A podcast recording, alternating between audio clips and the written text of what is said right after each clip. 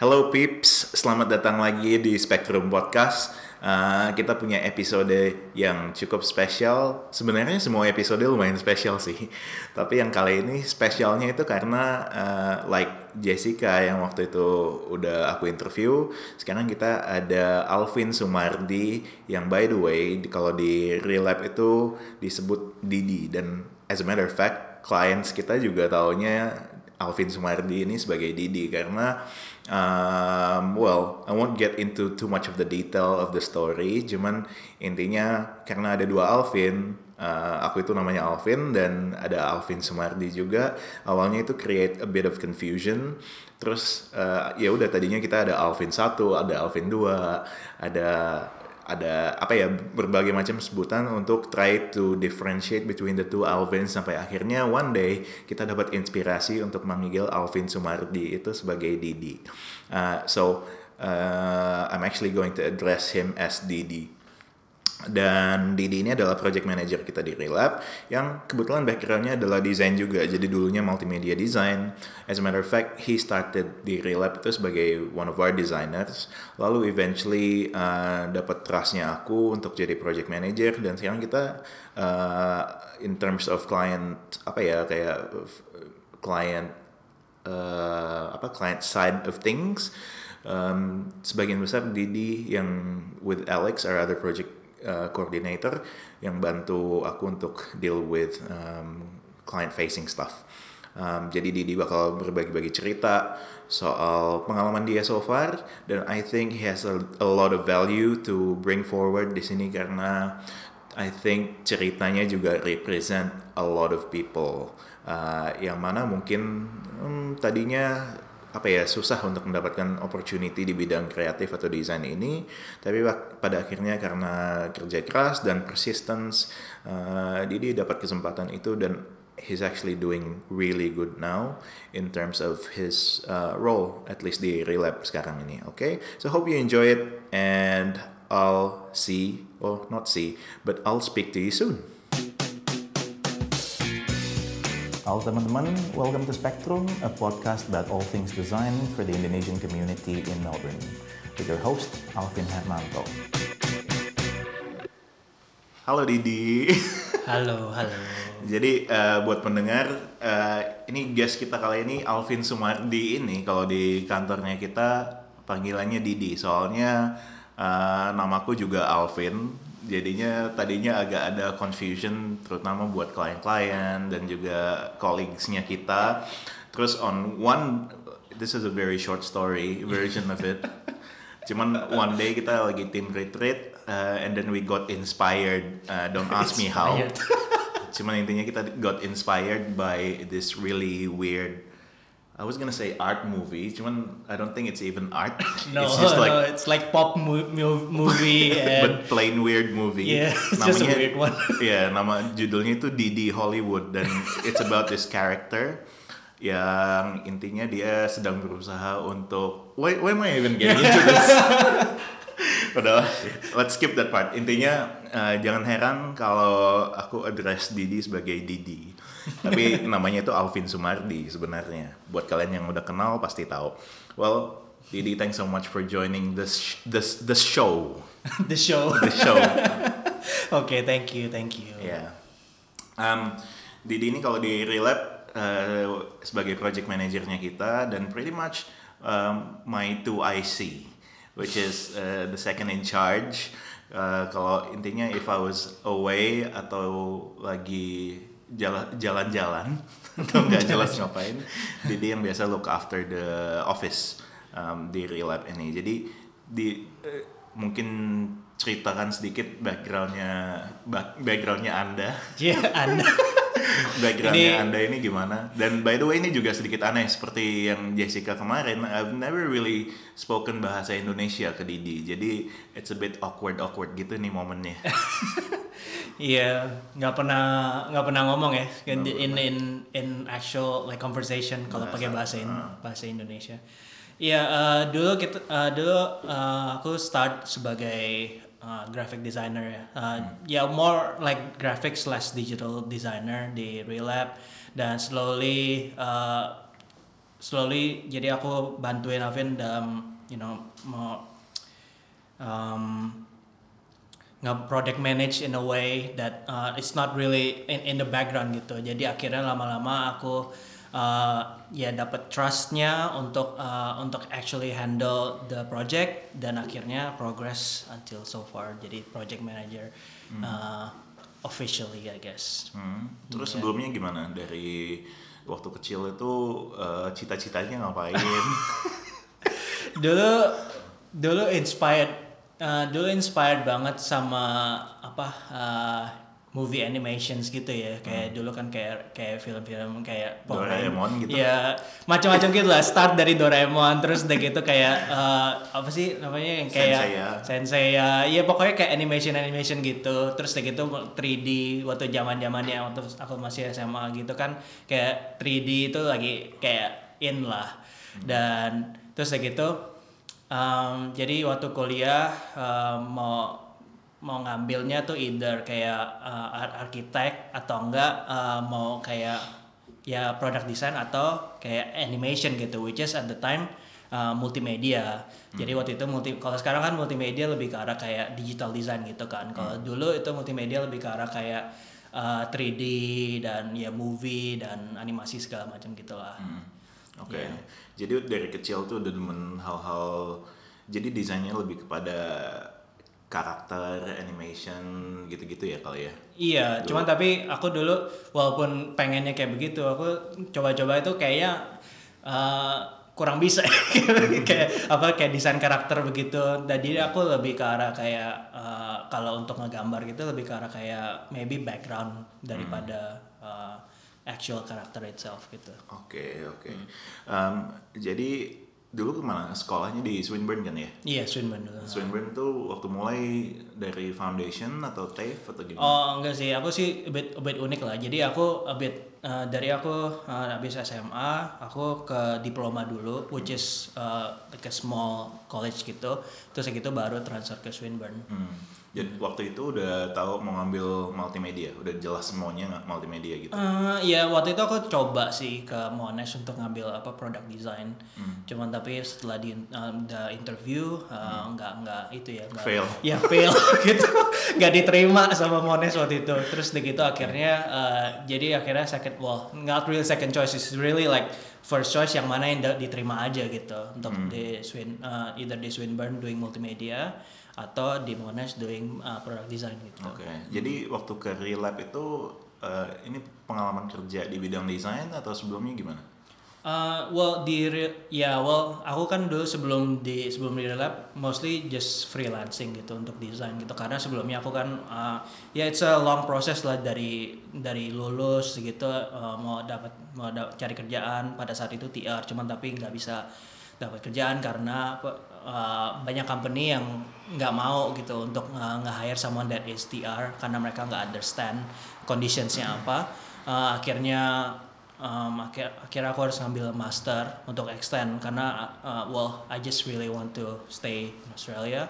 Segitu ngambil master segitu akhirnya uh, in a series of events akhirnya aku dapat PR dan ya yeah, well basically Relab is my official first design job gitu in a way Hmm, jadi waktu pertama mulai di Relab kira-kira hal apa yang eh, dirasakan gitu loh dari sisi dan itu sebagai desainer kan ya dulu. Hmm. Ya, karena kan eh, pada waktu aku desain, eh, pada waktu aku join Relab pertama kali, Relab itu gimana ya? Ya correct me if I'm wrong ya, cuman tapi eh, lebih Agak berantakan gitu ya. enggak enggak bukan berantakan teman lebih ke arah masih kayak in limbo in a way which industry that uh, we want to I guess like Yeah. go with gitu loh masih banyak kayak waktu itu kan Waktu itu kita kan kita juga berapa orang? Eh, be- waktu itu masih ada Jason empat terus ya, lima, sekitar empat atau lima, lima kali waktu itu. Iya, iya. Hmm. Iya, terus uh, masih belum bagaimana, belum jelas uh, kita mau industrinya di mana dan uh, jadi masih do a bit of like graphic or uh, digital design gitu loh. Dan aku at the time like taste aku tuh masih kurang uh, masih kurang uh, matching gitu ya sama sama sama Alvin dan uh, and the rest of the team gitu pada saat itu. Jadi aku masih banyak kayak uh, menye- menyesuaikan diri dan aku juga bukan graphic designer kan jadi banyak yang tes aku yang I think mostly about functionality uh, not not really like well looking beautiful is one thing but that's not like you know that's not my number one priority gitu pada saat itu Hmm, Oke. Em, jadi itu kira-kira tiga tiga tahun tiga setengah ya kira-kira ya Iya, tiga tiga setengah tahun lalu ya. Iya. Em, perubahan role-nya lo nih di, kayak Hmm. gimana kira-kira sampai sekarang? What what is it within that three to three and a half years? Hmm. Perubahan apa yang paling berasa if you were to look at yourself today? dalam role dalam role dan Hmm. mungkin uh, yourself lah in general gitu tapi yang berhubungan sama kerjaan ya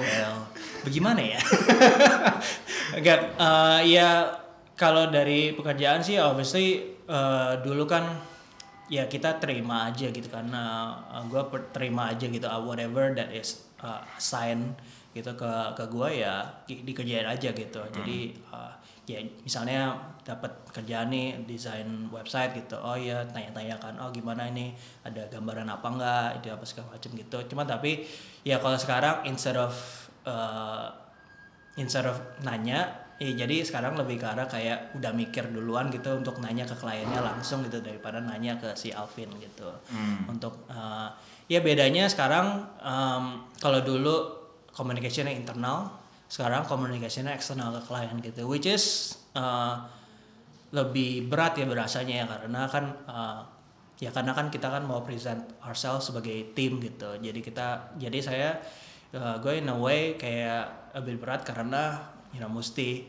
uh, represent uh, real life gitu quote unquote karena ya it's not about me anymore gitu loh Hmm, dan kalau bandingin apa ya challenges kerjaan yang hari ini versus waktu pertama kali mulai uh, apa aja nih Iya beda sih ya uh, challengesnya. Kalau challengesnya dulu ya a lot simpler gitu loh. Uh, dulu ya just basically tanggung jawabnya dulu kan gue kayak coming up with um, ide gitu kan ya konsep dan maksud atau enggak kalau misalnya si Alvin udah punya konsep ya tinggal diikutin aja gitu ya simple gitu loh. Tapi ya kalau sekarang kan uh, basically mesti dengerin apa yang klien mau gitu. Terus kita mau uh, in terus ya gitu ya karena kalau misalnya kebanyakan kan kalau project jadi ada Alvin juga gitu. Jadi Alvin yang waktu misalnya meeting pertama workshop gitu kita uh, try to figure out kan apa yang klien mau gitu. Dan kita uh, ya translate itu ke brief kan. Nah jadi uh, jadi gimana ya ngedapetin apa yang klien mau dan ngedapetin apa yang mereka mau itu kadang-kadang susah gitu. Karena kadang-kadang mereka juga nggak tahu apa yang mereka mau. Terus udah gitu jadi kita mesti in a way nebak-nebak tapi uh, pakai feeling juga gitu. Ya which is which is bit hard gitu Hmm. Terus kalau ngomongin transisi di karir nih, menurut Didi apa yang eh, ini apa yang membuat seorang desainer itu kira-kira bisa dap- mendapatkan misalnya kepercayaan lebih dan bisa dipercayain untuk manage project gitu loh dan bahkan sekarang looking at your role, I think you represent real life in a lot of cases gitu loh. Ap- prosesnya itu apa gitu?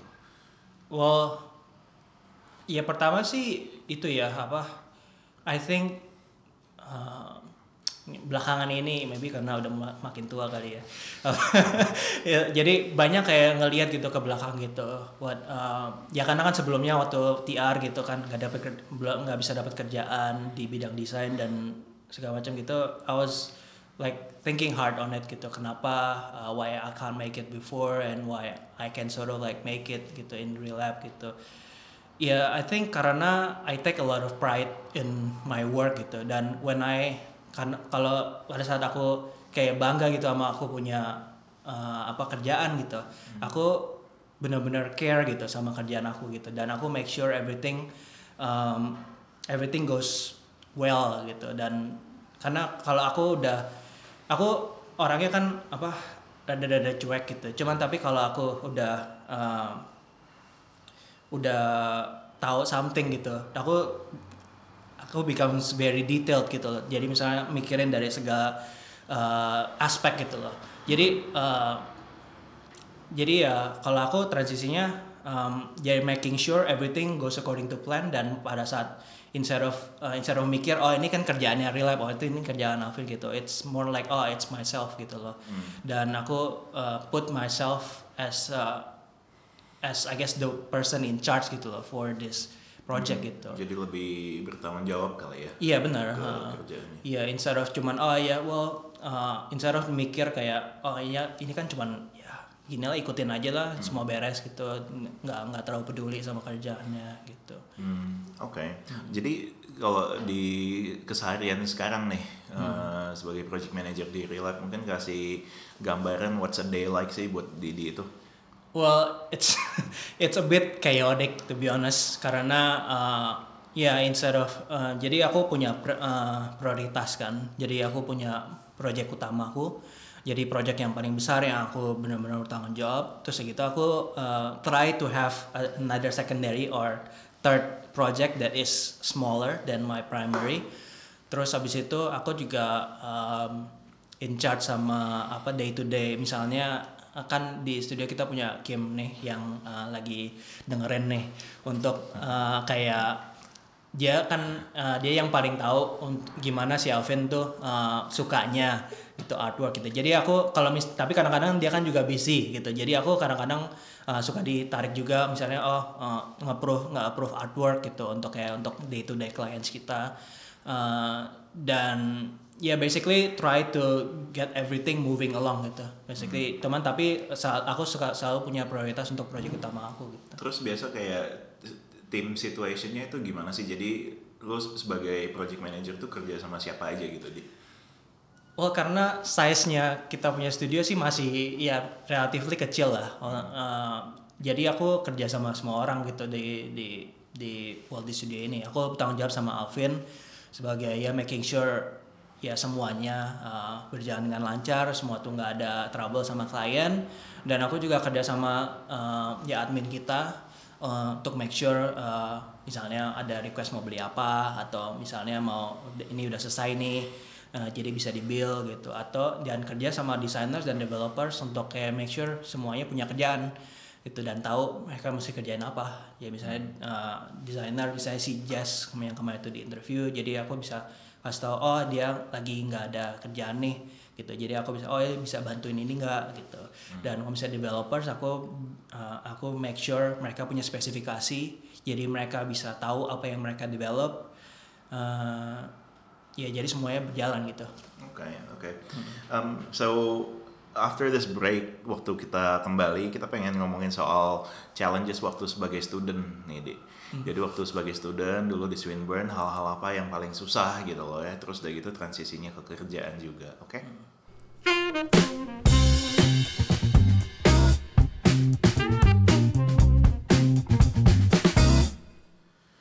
Dulu waktu kuliah di Swinburne, uh, berarti masuknya itu udah year habis diploma itu langsung year 2 atau gimana ya? Iya, eh enggak actually aku cum Oh iya, aku year 2, cuma tapi masuknya mid year. Jadi a bit aneh gitu. Jadi antara ada year sec- second year sama first year gitu. Jadi a bit aneh.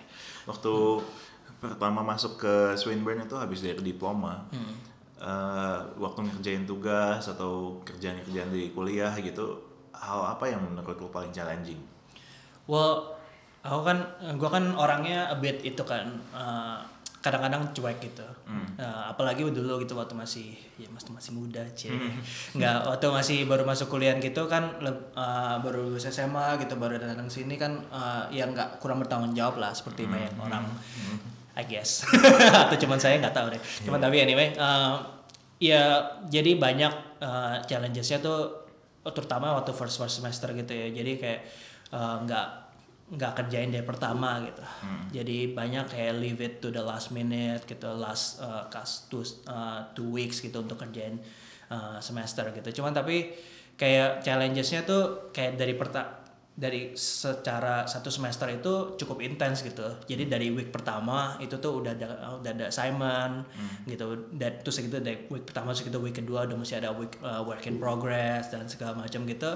Ya itu a bit challenging sih menurut gue sih. Jadi kalau if I were to ask you how were if you were to look back gitu ya, how how did you look at yourself as a student gitu, looking at yourself now? eh maksudnya lo yang sekarang melihat Didi yang dulu itu gimana? Well, Were you a good student atau enggak? Not no, at all. I don't think so. I Ah. don't think so. Uh, ya, gue sih banyak itulah. Ya maybe in a there's a good, there's a bad as well gitu. Ya jadi gue banyak kayak uh, apa? Um, ya banyak uh, hangout lah sama teman gitu. Uh, dan terlalu nggak nggak terlalu fokus di Banyak di- main-mainnya Iya ya banyak gitu ya. main-mainnya Jadi gitu. is it jadi misalnya sebagai student kalau ngeliat nilai itu mungkin kayak kredit-kredit rata-rata gitu kali ya. Ya oke lah, nggak Ah. nggak sampai kredit gimana sih gue da- dapat beberapa D sih ada juga. Ah, ya. Cuman tapi Tapi ya ya C to D student. ya si to D student gitu sih ya. nggak nggak kayak trying to achieve HD atau not not really to stress Hmm. about it gitu. Dan kalau fast forward nih setelah itu kan akhirnya lulus dong. Iya tapi lulus akhirnya dan thankfully nggak ada fail. Gue Iya, juga iya, bingung iya. kadang-kadang kenapa gue bisa nggak fail. Ya, cuman berarti kan eh, waktu sekolah tuh ada dong kayak students yang stand out gitu kan ya. Hmm. Misalnya kalau mikirin sekarang mungkin you can think about a few people yang oh dulu ini kayaknya dia A student banget nih gitu loh. Hmm, Terus udah gitu waktu fast forward nih lulus. eh, impactnya ke Didi yang mencari kerja dulu itu gimana? Menurut menurut lo kayak performance lo sebagai student dulu, Hmm. terus mencari kerja itu susah nggak akhirnya jadinya waktu itu? Iya jelas sih. Menurut menurut gue sih lebih ke portfolionya atau? Iya, terutama ke portfolionya ya. Karena uh, pada saat kerja mau cari kerja gitu kan, lu kan ngelihat kan, oh ini kerjaan apa aja nih yang udah kerjain pas di, di uni gitu kan. Uh, langsung langsung mikir kayak oh man, this is not good. kayak ini ini cuman kayak kerjaan-kerjaan yang gua kerjain untuk kayak for the sake of lulus Submission aja, doang. gitu, submission doang gitu aja. Dan I don't think like it's you know definitely client worthy atau kayak ya material kerjaan punya gitu loh. Hmm, hmm. Dan jadi gua mesti banyak kerjaan ulang gitu Hmm. kerjaan ya kerjaan-kerjaan gue yang yang not good enough gitu.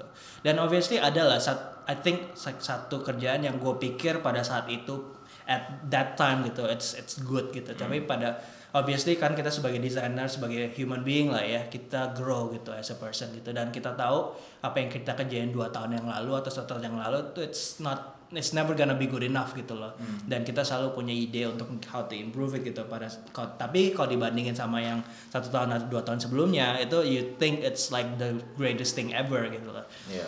Uh, tapi ya I have to redo a lot of the the the works gitu untuk supaya well as best as I can that I thought it's going to be portfolio worthy gitu quote Tapi apa yang membuat lo sadar gitu di sadar dalam artian kayak oh kerjaan gue ini memang kayaknya kurang bagus deh buat di industri gitu loh. Hmm. Itu apakah kesadaran itu datang dari diri sendiri setelah instantly setelah atau maksudnya udah ditolak beberapa kerjaan atau mau interview itu kayaknya susah banget as if like no one wants you gitu loh.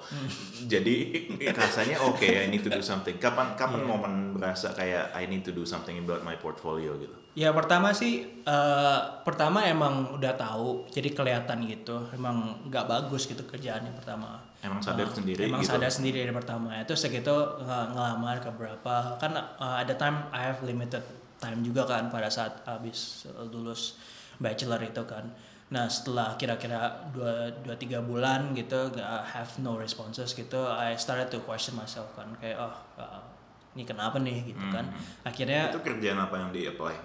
Iya, Lebih da, kayak- mulai dari graphic design, terus dari gitu ke printers ya buat prepress dan um, apa lagi ya kayak in-house designer. Pokoknya semua yang berhubungan dengan desain aku uh, gue apply lah. Antara grafik sampai multimedia Iya. gitu di-apply ya semua. Hmm, Ya terutama kan pada saat itu kan desain website kan belum belum gimana banget kan. Banyak orang kayak lebih ke arah graphic designers yang desain untuk itu untuk uh, web gitu. Jadi ya, ya most most positions at the time itu graphic slash web designer gitu. Jadi lebih ke arah graphic first gitu loh. Jadi banyak role-nya itu graphic design. Hmm. Oke. Jadi so you made that decision to just redo your work terus portfolio diperbagusin gitu ya. Iya. Oke. Lalu habis itu gimana? Itu membantu nggak?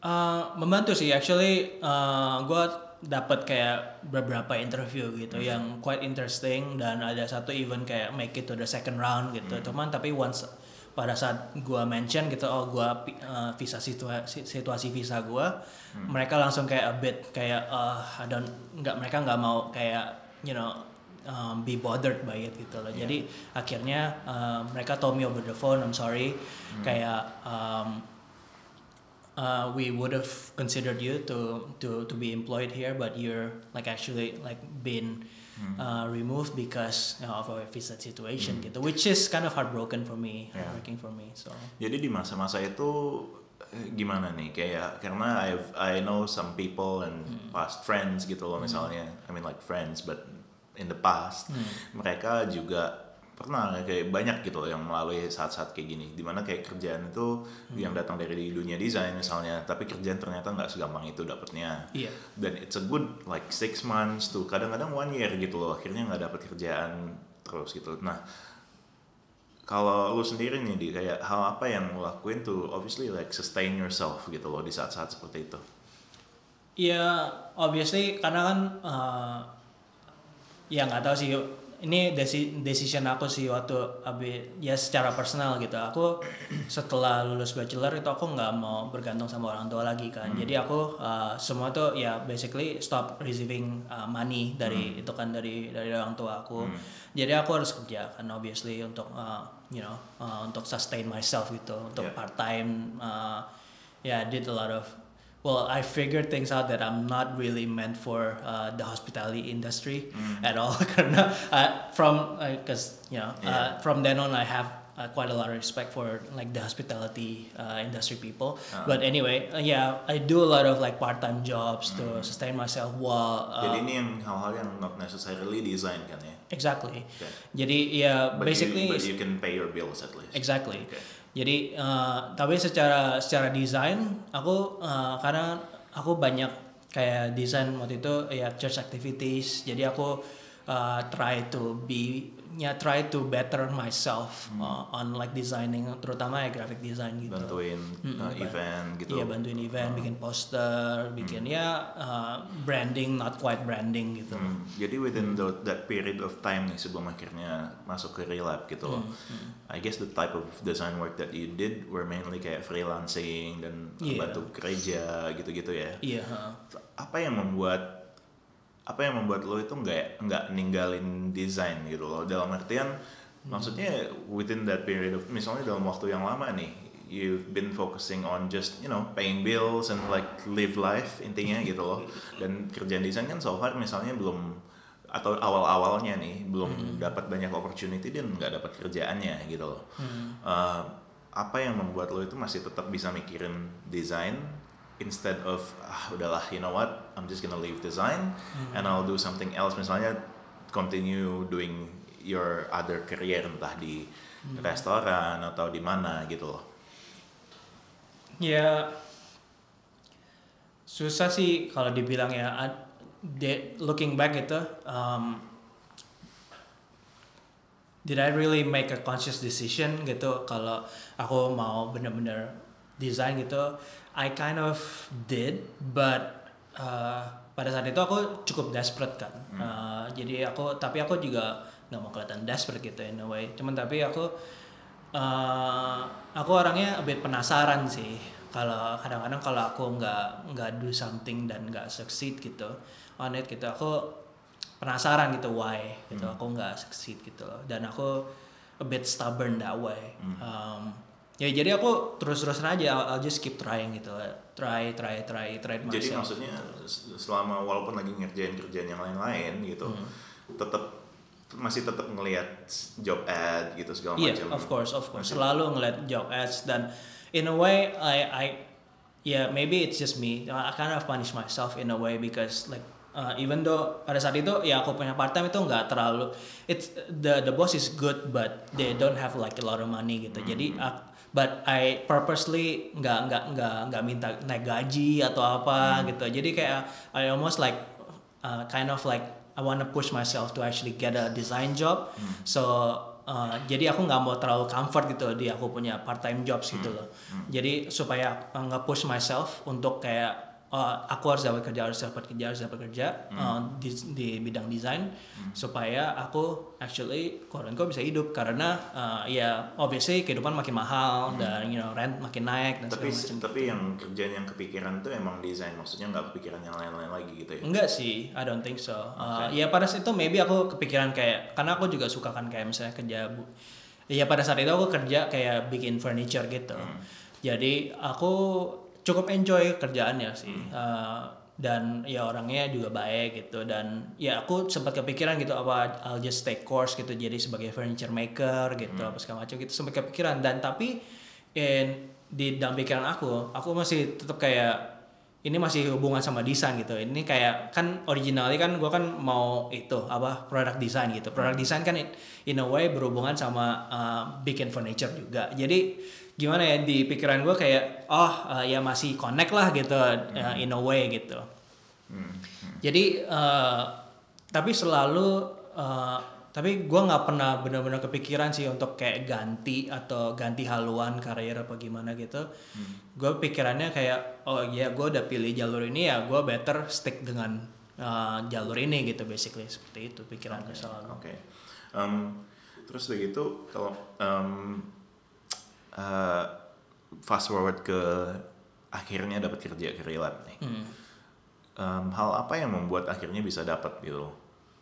Uh, What was it that that made you oh akhirnya ketemu sama gua di Relab gitu misalnya? Iya dulu uh, ada teman gua ya namanya Jason kan. Jason dulu kerja di Relab juga. Yeah, our previous designer. Uh, iya, jadi dia uh, ki- kita padahal kayak cuman kayak satu Teman kuliah. Ya teman kuliah kayak dua kelas kayaknya ya, nggak nggak nggak nggak deket lah gitu. Cuman tapi suatu saat kita kayak catch up gitu. Uh, jadi um, ada ulang tahun mutual friends gitu. Terus udah gitu habis itu ya ngobrol-ngobrol gitu dia told about relap gitu. Oh ini ya kerja sama kayak begini gini ini ngobrol gitu. Terus gitu akhirnya dan gua tahu dia mau itu kan mau move out dari Australia kan. Terus gitu gua kayak bener-bener kayak uh, being quite desperate gitu. Oh bisa nggak apa uh, gue at least apply for like to replace you gitu loh. Oh dia bilang oh bisa lagi lagi lagi looking lagi looking juga gitu untuk nge-replace gitu. Segitu akhirnya dan pada saat itu juga uh, I've been like doing posters kan buat uh, buat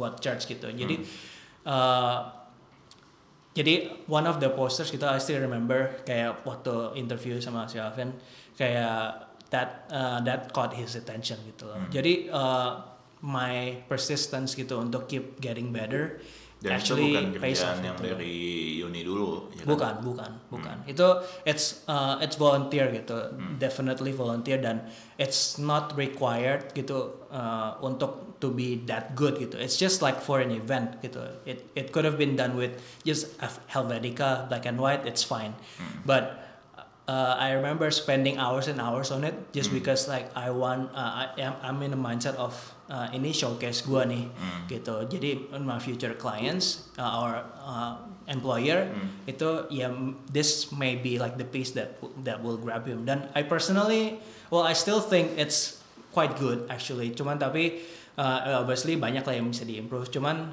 uh, dari dari dari hasil kerja keras jadi selama uh, that period nggak dapat kerjaan dan in the visa situation limbo. Uh, ya jadi itu yang gue lakuin gitu supaya bisa dapat kerjaan. Ya, ya. Jadi kalau uh, pada saat itu juga memang benar sih waktu itu kan nyari penggantinya Jason. Dan berhubung kalau ini dari sisi gue ya sebagai employer gitu loh. Kalau dari waktu itu sih if someone was recommended to me dan di saat itu relap kecil. Maksudnya we're only mungkin usianya baru kayak dua tahun kali itu waktu itu. iya Jadi kayak job advertisement kayak model-model sick gitu it's out of the question deh karena kayak sick advertisement gitu kan kita sekarang sekali sekali advertise itu kayak 300-an dolar gitu loh. Jadi saat itu ya I'd rather not spend on that gitu loh. Jadi akhirnya solusinya lumayan-lumayan rudimental gitu kayak pakai Gumtree lah. You get all of this weird applicants and all that stuff. Uh, dan di saat itu kalau ada yang rekomend ke gua langsung ya I trust that gitu loh. Lalu waktu itu ya si Didi ini datangnya ya melalui si Jason. Uh, dan memang benar waktu itu uh, ada beberapa kerjaan desain yang caught my attention gitu loh dan it doesn't take that much actually gitu loh you just have to present a, a select of work Iya. terus kalau kalau it works gitu ya I think the interview is a possibility Hmm. di saat itu oke um, dan kalau kita ngomongin uh, kerjaan desain nih yang yang zaman sekarang Iya. gitu ya Uh, menurut lo di kerjaan desain yang gimana sih yang punya apa ya punya potensi untuk jangka waktu yang panjang gitu loh karena it's so easy to design a logo rasanya buat kebanyakan orang Hmm. I mean like we're not talking about like a whole rebranding Branding, dan yeah. segala macam tapi untuk for someone to come up with a logo asumsi orang tuh gampang banget gitu loh Hmm. that the price is actually really low most of the time gitu. Yeah. Um, I mean it's probably probably like what five percent out of all logo design work yang harganya ratusan ribu dolar gitu. Iya. Hmm. Cuman rata-rata ya in that 100 200 dollars it's lucky if you can get someone to pay you 300 dollars for a logo. Of course, yeah. Especially when you're a freelancer gitu loh. Hmm. Jadi kerjaan desain yang gimana sih yang at least from your point of view kayaknya ada punya masa depannya gitu. Well, kalau ya well, punya masa depan kan bisa digolongin dua kan. Jadi antara kayak it really pays a lot atau uh, kerjaannya masih banyak gitu kan. Tapi I think uh, I really believe kayak graphic design uh, still still pays dan dan I don't think like it's going down anytime soon dan branding dan segala macam gitu. Cuma tapi gimana ya? I feel like uh, untuk untuk untuk survive gitu di industri ini. Ini lebih ke arah kayak uh, I think connection gitu loh in a way. Dan uh, nama baik menurut menurut gue ya. Dan orang semua kan start gitu. Uh, kan banyak nih sekarang joke kayak meme-meme gitu kan. Kayak uh, orang nggak mau nggak mau bayar untuk kayak logo dan segala macam gitu. Uh, tapi uh, realitanya gitu banyak orang start dari doing free free work gitu loh. Beri- free work terus udah gitu uh, doing 50 dollars logo 100 100 dolar gitu makin oh progress makin naik gitu. Jadi gimana ya it, there's always a place for everyone gitu loh uh, in different stages of their career gitu. Jadi misalnya starting ya obviously ada free uh, ada free ada 100 gitu dan makin lama makin kita build kredibilitas itu uh, orang makin banyak mau bayar gitu. Bukan bukan mau bayar sih maksudnya mereka willing to pay because karena uh, kita udah ada nama gitu in a way. Dan mereka kita udah kenalan dan ya banyak rekomendasi lah gitu dari uh, teman ya teman atau orang yang kerja dulu sebelumnya gitu. Nah terus kan uh, tapi in terms of uh, kerjaan gitu ada amount of work gitu ya yang yang bakal datang gitu I think uh, selama ini maybe a bit uh, negatif gitu. Cuman tapi selama uh, ya komputer belum bisa uh, canggih belum secanggih maksudnya otak kita gitu I think like design dan uh, website work dan masih interface work in general I think it's going to like last quite a while. Uh, dan maksudnya I'm not I'm not talking about only website gitu ya cuman tapi lebih ke arah kayak uh, try to be a bit more open gitu kayak misalnya kayak VR juga dan kayak sound design dan pokoknya something yang a bit creative related gitu I don't think it's going to go anytime soon Hmm.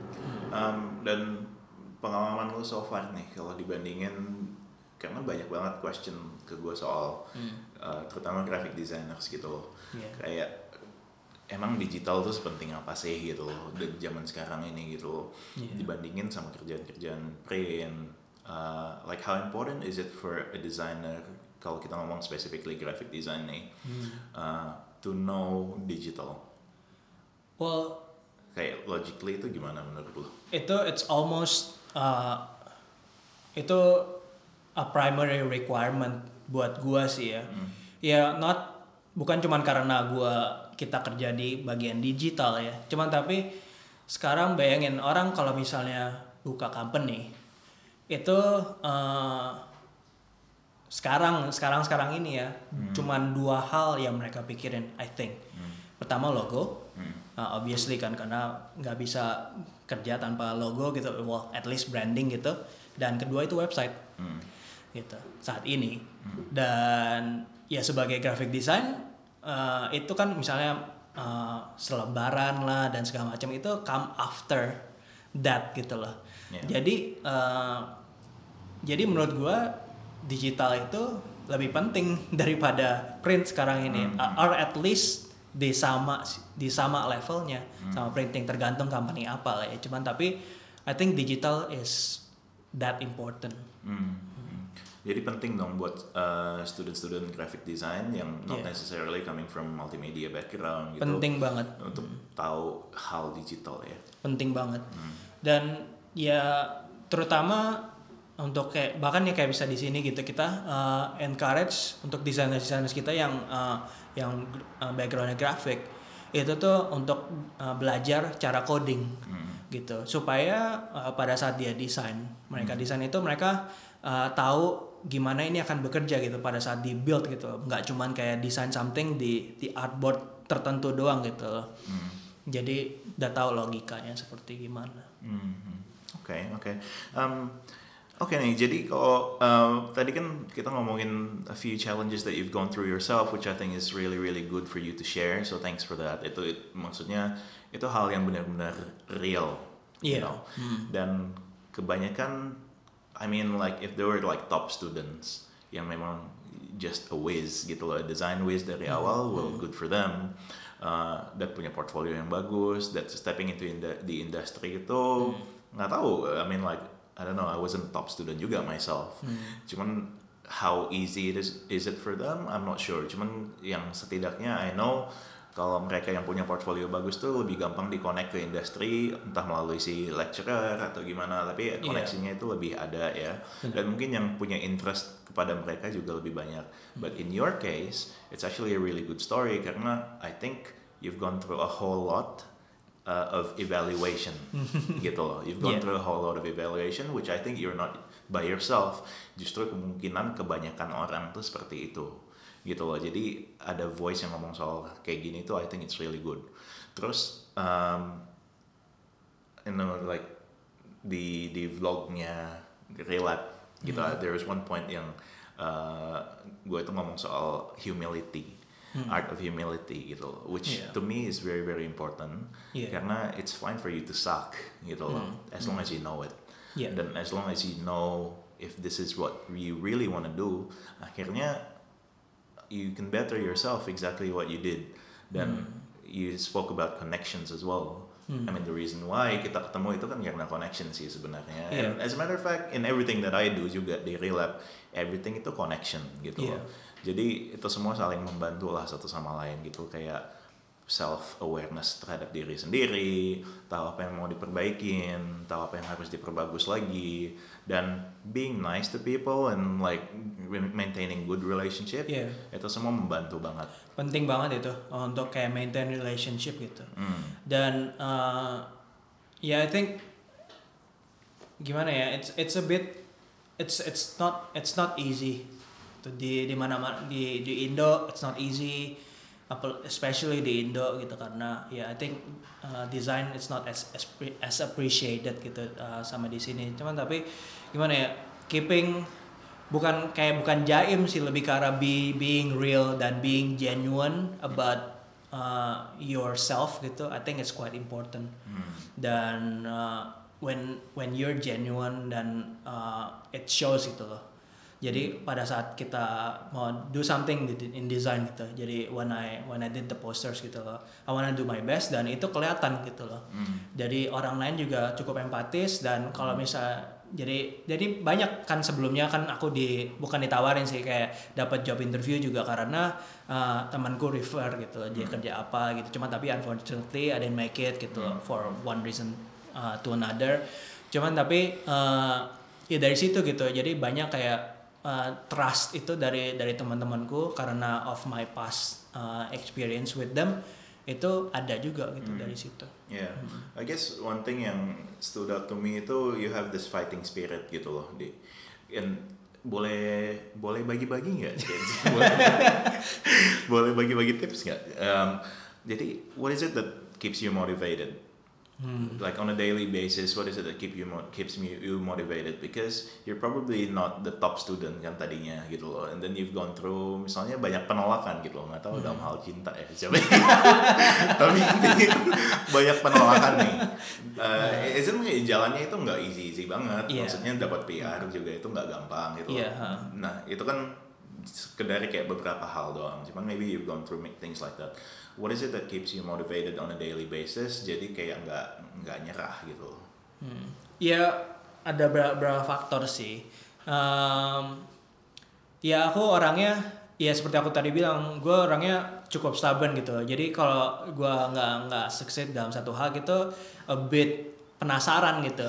Dan dari situnya, uh, ya dari situnya gue pengen gimana sih cara lebih better gitu loh. Jadi selalu always curious dan always try to better yourself gitu loh. Kayak uh, gue dulu nggak nggak terlalu percaya ya sama kayak New Year's resolution. Kayak terus terang gitu kayak ngapain sih New Year's resolution? Mostly kayak orang nggak nggak nggak nggak duit lah gitu. Kan kadang banyak joke nya gitu kan. FYI Spectrum Podcast nih my New Year's resolution loh.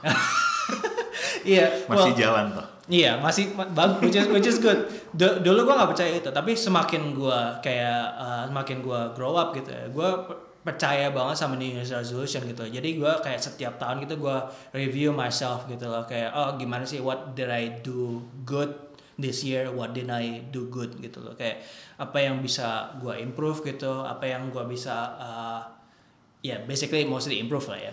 Um, ya begitu just just try uh, like today is today tomorrow is tomorrow but uh, I need to be better than yesterday gitu loh.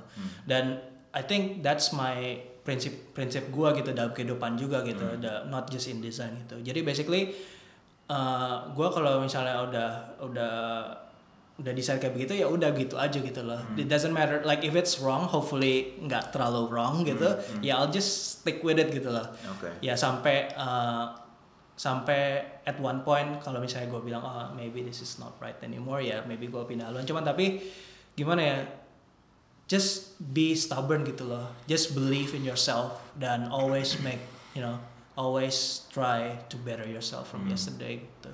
Jadi kalau misalnya ada the most important thing nih one thing and you've been in a few interviews with me kan juga. If there is one important thing for someone who's fresh to the industry, entah itu student atau orang yang jump from one apa field to design, what is it that's the most important thing yang this person need to have supaya bisa get into the industry, into this industry? Well, I think uh, I don't think there's one thing gitu ya nggak. Um, well, I think okay there is one thing then. Uh, balance. Uh, so kau uh, lo nggak harus ya maybe ya tergantung juga sih kerjaannya apa cuma tapi di mata gue uh, lo harus punya berapa kriteria gitu untuk kayak bisa even be considered gitu. Pertama kerjaannya kan harus bagus gitu. Tapi lo nggak harus kayak kerjaannya outstanding kayak luar biasa top of the line dan you know kayak gimana banget gitu. Just have to be like just demonstrate your skill basically dan uh, conceptual skill, uh, design execution dan dan segala macam gitu dan just has to be like good enough and don't suck gitu basically kan. Uh, dan attitude gitu. Attitude gimana you talk about your uh, your projects gitu kan. Karena kan kalau waktu lagi uh, ngamatin orang interview kan, gue suka ngamatin gimana gerak bad, gerak tubuhnya dia gitu uh, try to guess gitu dia sebagai orang tuh kayak gimana gitu kan. Uh, ya gimana cara dia ca- cara orang tuh ngomongin soal projectnya itu penting sekali gitu. Jadi uh, kalau cuman ngomong kayak ah ya well uh, ini kayak begini gitu ini kayak begini gini gini ya oke lah gitu. It's it's not it's not great gitu. Jadi you have to like really care about like your project. Oh you know like it's like selling you stuff right? Kalau misalnya lo kayak uh, ah ini bagus nih gitu. Ini kayak begini gini gini gue uh, ajaib gitu atau dapatnya kayak gimana gitu. Kan kayak it's uh, it makes you interested gitu kan. Uh, cuman tapi uh, jadi semuanya but you don't have to be the top you know sellers gitu. Cuman tapi you just have to be good enough untuk grab people's attention gitu. Just just balance gitu loh. Hmm. just everything just good to start with gitu loh kalau fresh graduate ya Hmm. obviously kalau lo udah kayak punya pengalaman lebih lagi kan lo punya banyak eh, apa pelurunya lebih banyak gitu kan Hmm. untuk ya untuk di uh, untuk di showcase gitu kan Yeah. jadi dan ya itu udah lebih banyak lah gitu bisa di showcase gitu. Cuma tapi sebagai student, I think uh, presentation skills dan uh, just good enough work is great. Hmm. Ya, benar sih. menurut- If I was to merangkum itu tadi, eh, intinya kerjaan yang bagus. Like you don't have to be super great. Ada, I mean, if you're like uh, that whiz kid yang tadi kita omongin, then that's that's good for you, which is Yeah. awesome. Benar. Uh, cuman kalau if you're just okay, at least you're good, eh, your work is good enough to present. Hmm. Dalam artian mungkin, uh, ya maybe just have a look at good designs out there. Kurang lebih kalau misalnya bisa sebagus mungkin kita present, that's that will most probably would be able to get you into the door buat ini ya interview ya. Iya. Cuman pada akhirnya kalau dari kita sendiri pengalaman kita kan interview itu walau kerjanya bagus belum tentu kita bisa oke sama orangnya nih Iya. karena and that's where you talk about that attitude tadi Hmm. karena kita sebagai employer juga bakal ngeliat nih orang kira-kira cocok nggak sama tim kita Iya. Uh, kira-kira do we really want to work with this person atau enggak dan oftentimes karena kita nggak tahu orangnya kita nggak kenal Hmm. kita trying to read that from the beginning Iya. jadi asumsi kita itu bisa banyak soal orang ini walaupun tadinya kita mikir ah he looks like a jerk. Hmm. Cuman he's not. Iya. Cuman kita nggak tahu kan. Iya. Gitu loh. Jadi Iya. you're trying to display the most genuine side of you Iya. that will work with this company gitu kan ya. Hmm. Gitu.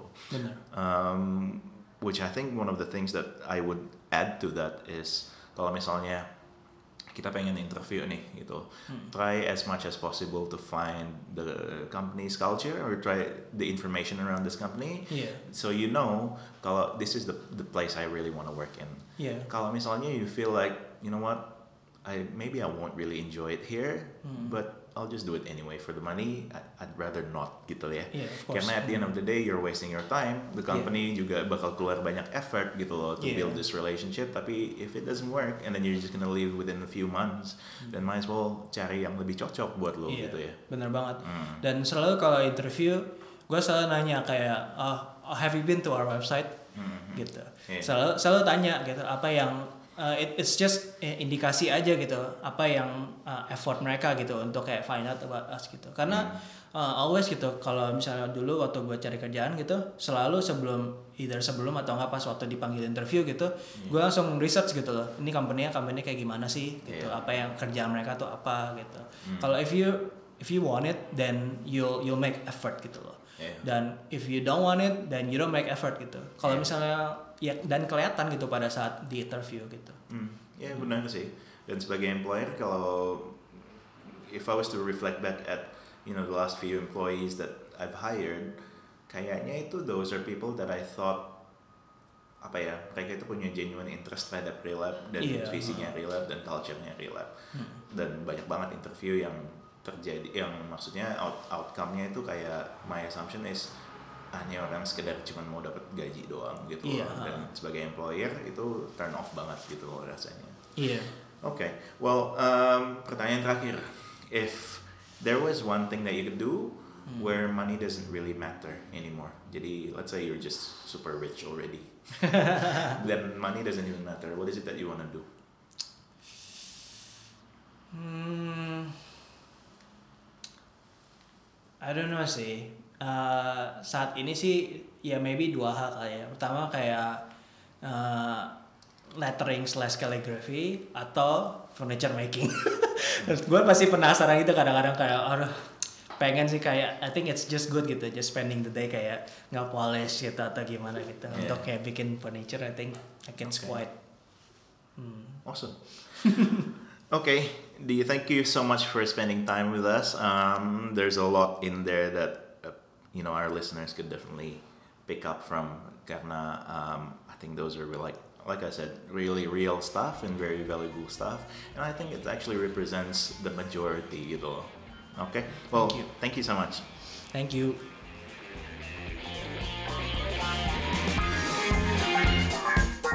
teman-teman thank you banget udah dengerin Spectrum Podcast sampai hari ini. Buat kalian yang udah follow, I really do appreciate it.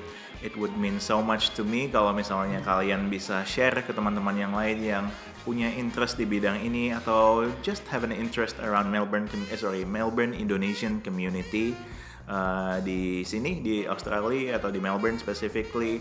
Um, dan juga I would really appreciate if you can review and rate and like and pretty much share the love for Spectrum Podcast. Um, we have a great vision around it. Uh, kita pengen membangun komunitas desainer. Uh, mungkin start di Melbourne dulu karena saya di Melbourne.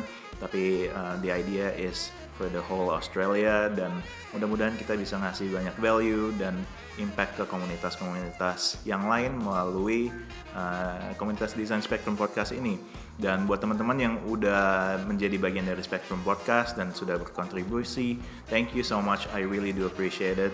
It means the world to me. Okay? Thank you.